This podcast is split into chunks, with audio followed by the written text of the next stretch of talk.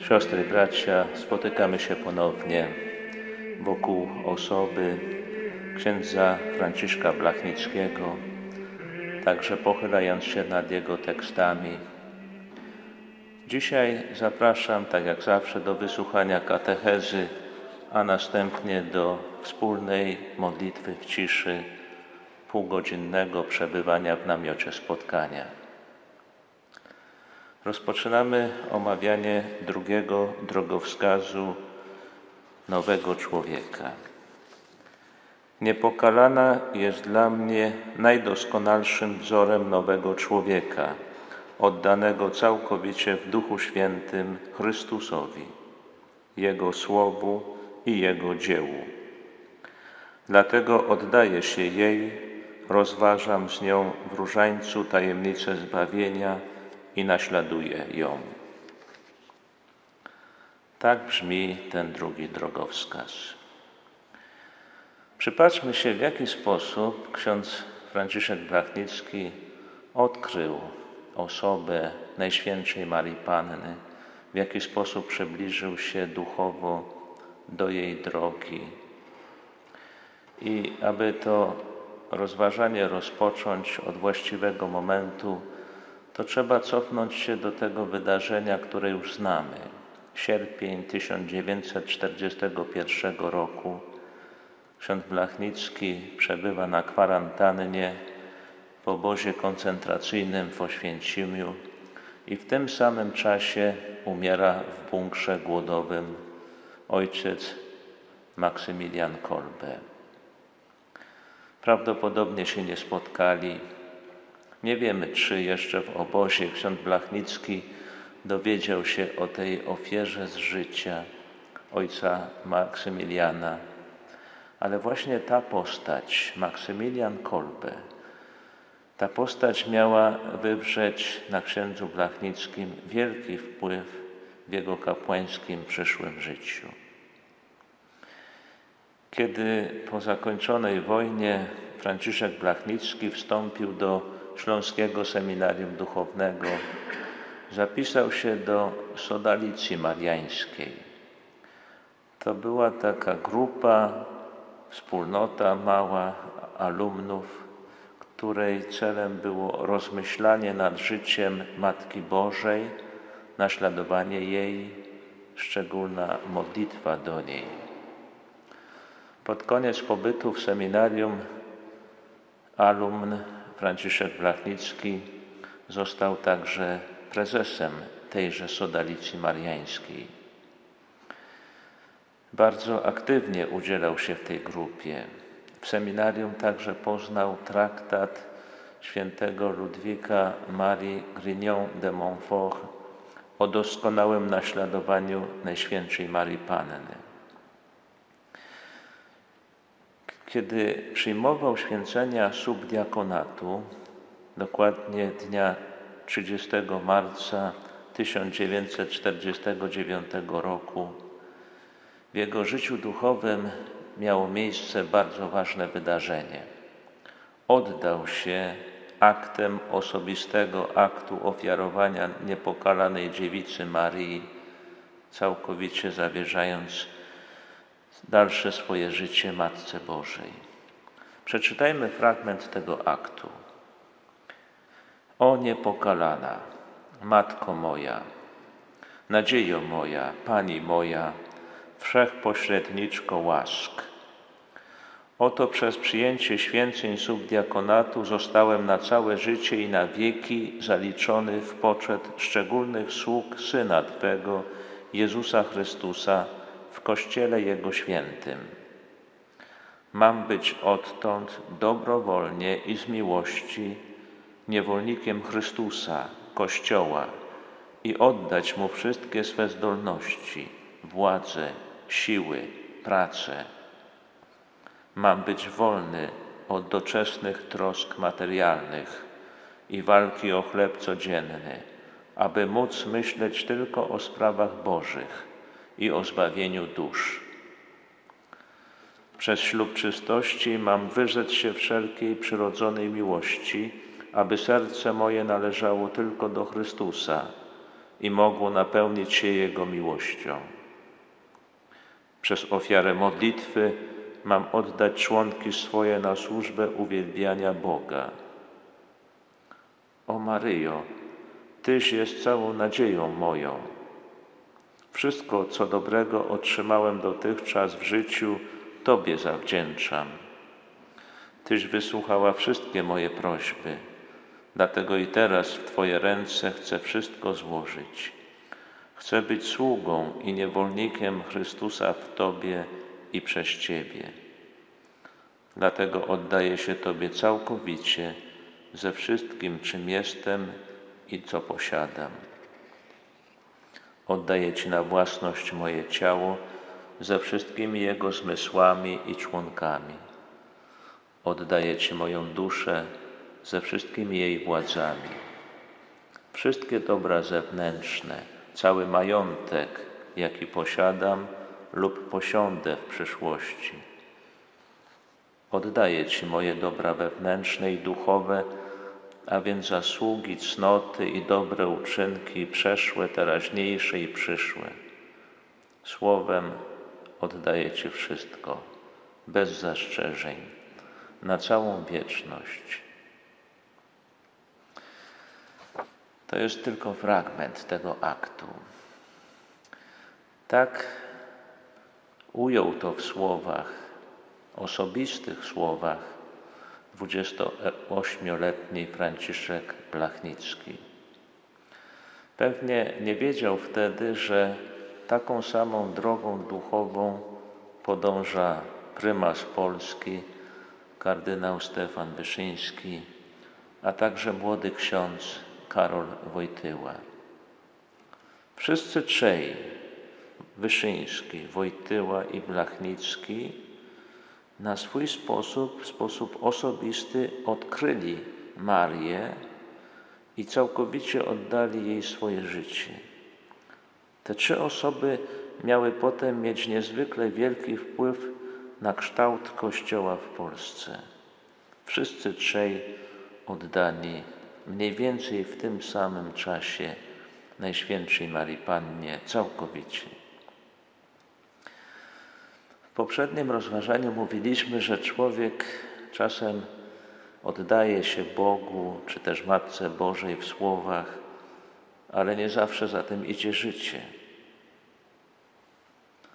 Nie tak było w przypadku księdza Blachnickiego.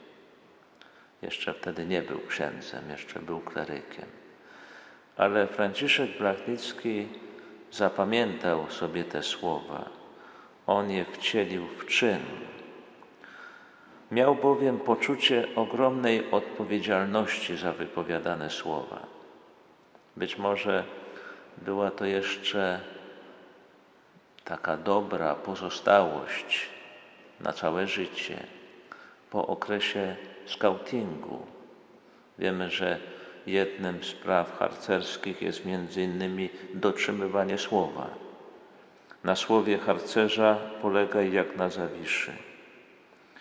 Dlatego jeżeli ksiądz Blachnicki coś postanowił, a tym bardziej napisał, to potem starał się wcielić w życie, nie zapominać o tym. I dlatego nieco później, 1950 roku, kiedy sprawował pierwszą mszę świętą w kaplicy Matki Boskiej Jasnogórskiej, mszę świętą prymicyjną, ponowił to oddanie się Matce Bożej i jeszcze raz zawierzył całą swoją posługę kapłańską.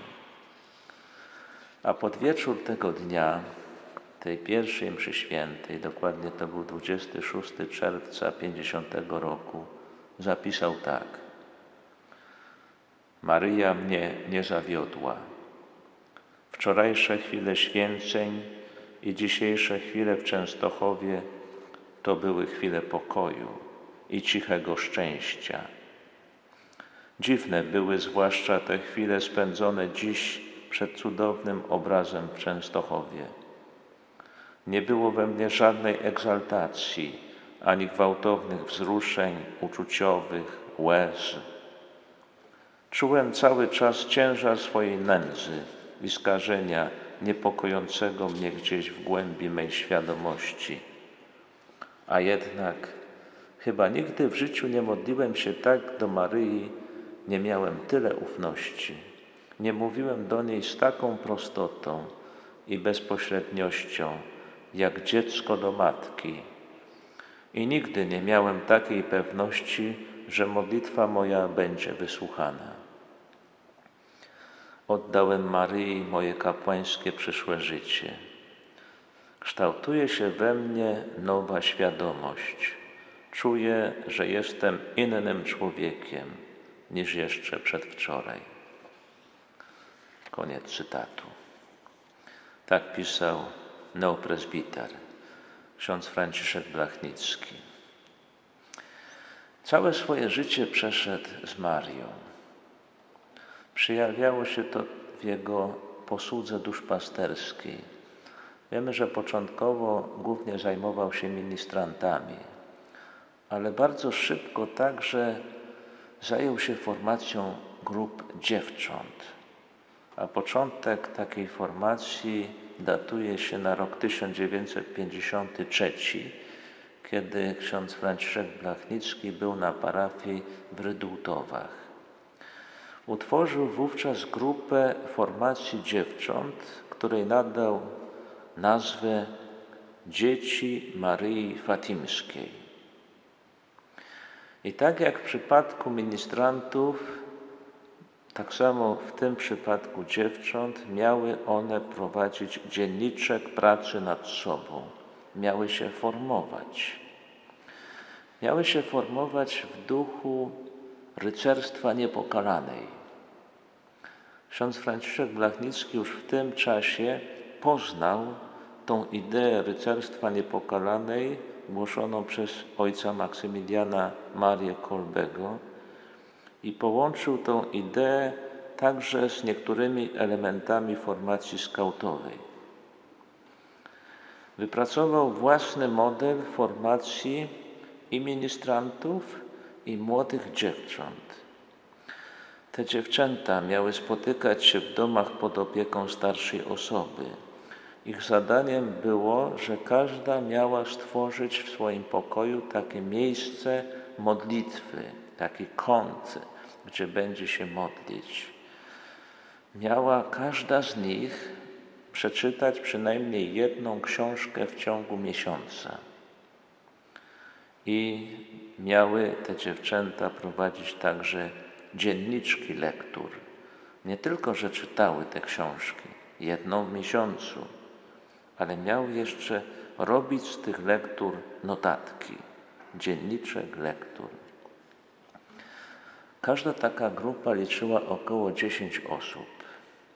Dziewczęta okazało się, że bardzo chętnie zaangażowały się w taką e, formę kształcenia, formowania się i ciągle wzrastała ich ilość.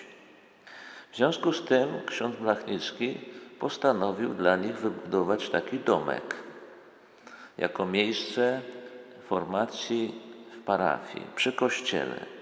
Domek Maryi. Miał on pełnić rolę miejsca formacyjnego dla tych grup dziewcząt, ale nie tylko, także dla innych grup. By zdobyć fundusze, zaczął rozprowadzać cegiełki, sprzedał swoje futro, wiele zresztą pamiątek rodzinnych wówczas sprzedał. No i jak to w tamtych czasach było, bez zgody władz, bez żadnej dokumentacji, bo takiej zgody by nigdy nie uzyskał, po prostu zaczął budować domek Maryi.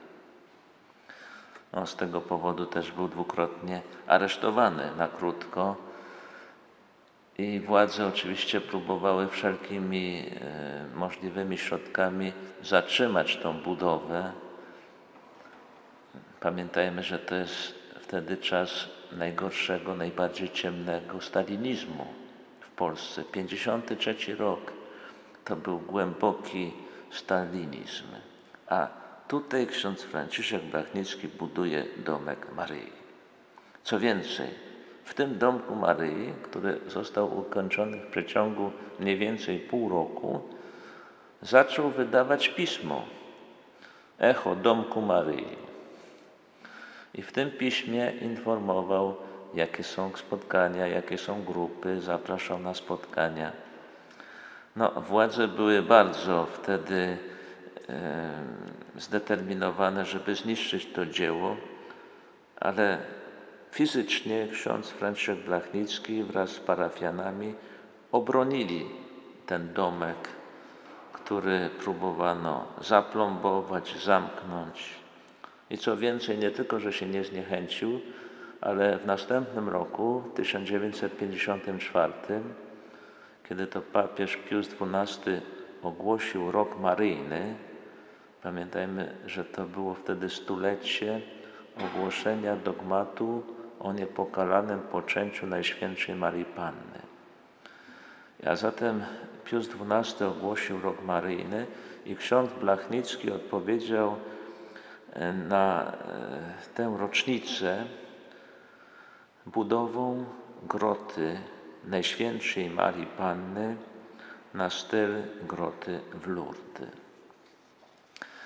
Widzimy, jak niesamowicie e, Franciszek Blachnicki, młody kapłan, służył Marii, pragnął formować młode dziewczęta w duchu niepokaranej, ale przyszedł rok 55 i 6 i trzeba powiedzieć, że to były lata najważniejsze w tym przybliżaniu się do Maryi.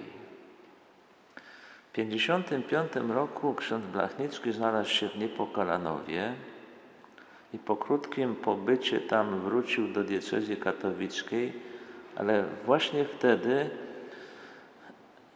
konflikt z ówczesnym wikariuszem kapitulnym, księdzem Piskorzem, który był narzucony diecezji katowickiej przez władze komunistyczne, doszedł do takiego szczytu. Ksiądz Piskorz nie chciał, by ksiądz Blachnicki pracował na jakiejś parafii i wówczas ksiądz Franciszek Blachnicki wykorzystał to, aby poprosić tegoż wikariusza kapitulnego o zwolnienie, a on, Blachnicki, chce przez pół roku przebywać właśnie poza diecezją i jako miejsce swojego pobytu wybrał Niepokalanów. Taką przedstawił propozycję i o dziwo ksiądz Piskosz się zgodził, myśląc, że w ten sposób uwolni się od księdza Blachnickiego. I ten pobyt od marca 1956 roku do października okazał się niezwykle ważny w całym życiu, zwłaszcza tym duchowym, księdza Franciszka Blachnickiego. Cały czas przebywał w Niepokalanowie, zgłębiał myśl oraz całą spuściznę ojca Maksymiliana Marii Kolbego i tam szukał także inspiracji do swojego dalszego życia, życia kapłańskiego. Szukał jakiejś naczelnej idei. Pisał tak, cytuję: Chcę znaleźć drogę. Mam już 34 lata i nie jestem zadowolony ze swojego życia. Nie mam wewnętrznego pokoju. Nie ma we mnie właściwie życia. Wegetuję marnie. Tak pisał, chociaż przecież Tyle robił do tej pory, ale szukał tej naczelnej idei i nieco dalej pisał tak: Mam ideę, ale nie mam miłości. Na nic mi się przydadzą idee, programy. Bez miłości moje życie, moja praca kapłańska nie ma sensu. Cóż więc mi pozostaje? Muszę modlić się o miłość, wołać, krzyczeć we dnie i w nocy, wytrwale, aż do skutku. Koniec cytatu. A zatem właśnie w Niepokalanowie ksiądz Blachnicki zaczął zbliżać się do tego ideału. On ma dalej czynić jak najwięcej dla Jezusa, ale już z pomocą niepokalanej i ma to czynić nie dla samego działania, dla jakiejś idei, tylko z miłości do Chrystusa. Bardzo duże wrażenie, o tym już mówiliśmy także, duże wrażenie wywarło na nim skojarzenie dwóch dat. 14 sierpnia 1941 roku śmierć Maksymiliana w bunkrze głodowym i 14 sierpnia 1942 roku uwolnienie z celi śmierci Blachnickiego. On to odczytał, że ma kontynuować dzieło Maksymiliana Kolbego. Maksymilian zginął, a on przeżył i w związku z tym poczuł takie duchowe braterstwo z tym jeszcze nieświętym ani błogosławionym, ale już kandydatem na ołtarze. W ogóle zachwycił się całym tym ośrodkiem w Niepokalanowie i przyszła mu do głowy taka idea, że w każdej diecezji powinien być Niepokalanów. Począwszy od diecezji katowickiej. Nazwał to Niepokalanów Śląski. Na razie to było tylko w jego głowie. Tak planował, żeby to może zrobić w Tychach. Ten ośrodek powinien być takim centrum dla formacji, dla ludzi, dla młodych zwłaszcza, formacji wewnętrznej, takiej permanentnej pracy nad sobą. I głównym ideałem, którym on się wtedy kierował, był chrześcijański ruch robotników żok, który wtedy bardzo prężnie rozwijał się we Francji. On coś takiego chciał przeszczepić na teren Polski. Niepokalanów Śląski miał być miejscem animacji życia chrześcijańskiego, formacji w grupach, wychowania młodzieży. Taka idea pojawiła się w jego głowie. I ksiądz Blachnicki zawarł taki duchowy pakt z Maksymilianem Kolbe. Ja będę się modlił o Twoją beatyfikację, a Ty pomóż mi w realizacji idei niepokalanowa diecezjalnego. Zobaczcie, jaki ten człowiek miał niezwykle otwarty umysł, serce, przewidujące e, spojrzenie, jak bardzo on wybiegał do przodu z tymi wszystkimi swoimi pomysłami. W Niepokalanowie ksiądz Blachnicki bardzo pogłębił także swoją relację duchową z Najświętszą Marią Panną. Nie tylko podziwiał ją jako niepokalaną, ale także, e, znaczy niepokalaną, czyli wolną od grzechu, ale niepokalaną także w tym sensie, że była zupełnie oddana Bogu, czyniąca bezinteresowny dar z siebie. Wpatrując się w Najświętszą Marię Pannę, odkrył do końca swoją ideę życia. Oddać siebie. Oddać siebie tak jak ona oddała się na dzieło swojego syna, tak samo on ma oddać siebie. Maksymilian Maria Kolbe także siebie dał.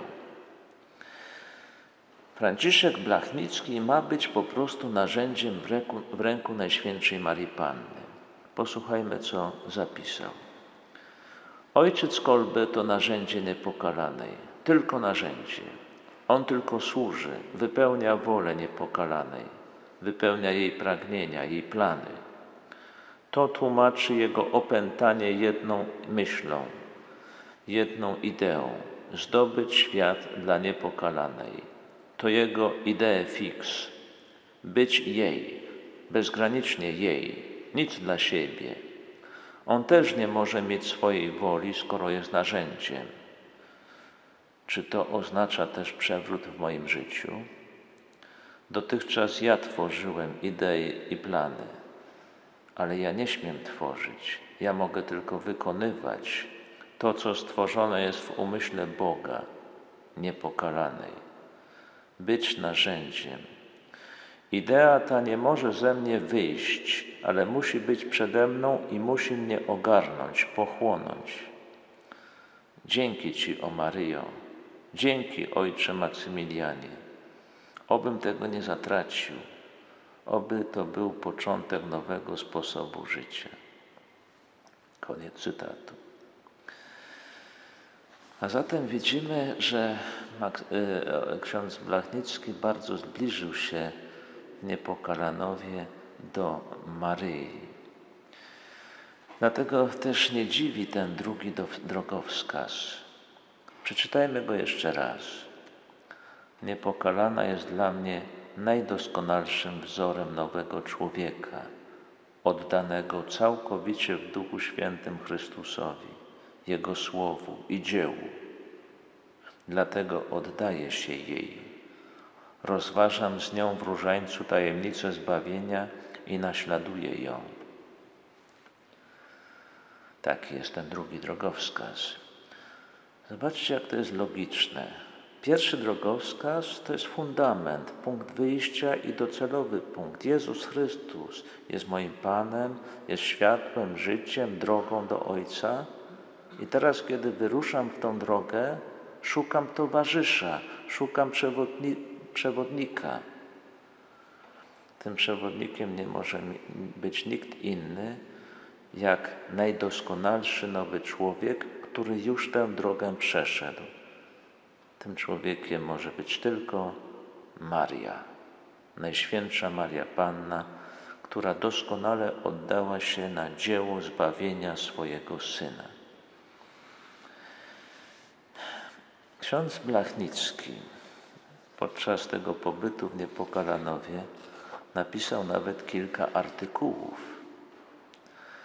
Jeden z nich, zatytułowany Ojciec Maksymilian Maria Kolbe, a kapłan duszpasterz, zwrócił szczególną uwagę księdza kardynała prymasa Stefana Wyszyńskiego. To był taki moment, kiedy Wyszyński po raz pierwszy poznał księdza Blachnickiego, jeszcze nie osobiście, ale poprzez ten artykuł. Ksiądz Blachnicki zaprosił także grupę księży z własnej diecezji katowickiej na Dni Maryjne. W czasie urlopowym, to było w sierpniu 56 roku, oni przybyli tam i wspólnie omawiali nowy model kapłaństwa, inspirowany duchem ojca Maksymiliana Kolbe. Też trzeba powiedzieć jedną rzecz. Kiedy ksiądz Blachnicki był w Niepokalanowie, kilkakrotnie także przyjeżdżał na Jasną Górę. Tam spotkał się z kobietami, które były zaangażowane w Instytucie Prymasowskim, tak zwane ósemki, ale także tam dokonał ponownego aktu oddania niepokalanej swojego życia. Oddał wszystkie wizje duszpasterskie. Podsumowując to rozważanie, widzimy ten ważny moment w życiu księdza Blachnickiego, zbliżenie się do Marii. Ona później miała stać się patronką wszystkich jego dzieł. Właściwie to nie były już jego dzieła, to były dzieła Boże wykonywane przez doskonale oddane narzędzie, a tym narzędziem był ksiądz Blachnicki. Maria dla niego nie była jakimś półbogiem. Była tą, która towarzyszy synowi w dziele zbawienia świata. I teraz już przejdziemy do naszej modlitwy w ciszy. Dzisiaj szczególnie z Najświętszą Marią Panną. Wejdźmy w tę ciszę tę modlitwę słowami księdza Blachnickiego. O niepokalana, Ty widzisz w Bogu odwieczne dekrety opatrzności dotyczące mojego życia. Tam już jest postanowiona godzina mojej śmierci i okoliczności jej towarzyszące, stopień łaski, jaki uzyskam i moje miejsce w wieczności Pragnę przyjąć wszystkie odwieczne dekrety woli Bożej dotyczące mojego życia. Oświadczam, że aktem swojej wolnej woli przyjmuję cały plan Boży dotyczący mojego życia, bez żadnych zastrzeżeń. pragnę nastawić swoją wolę jedynie na przyjęcie i wykonanie woli Bożej. W Tobie, w zjednoczeniu z Tobą, chcę przyjąć wolę Bożą.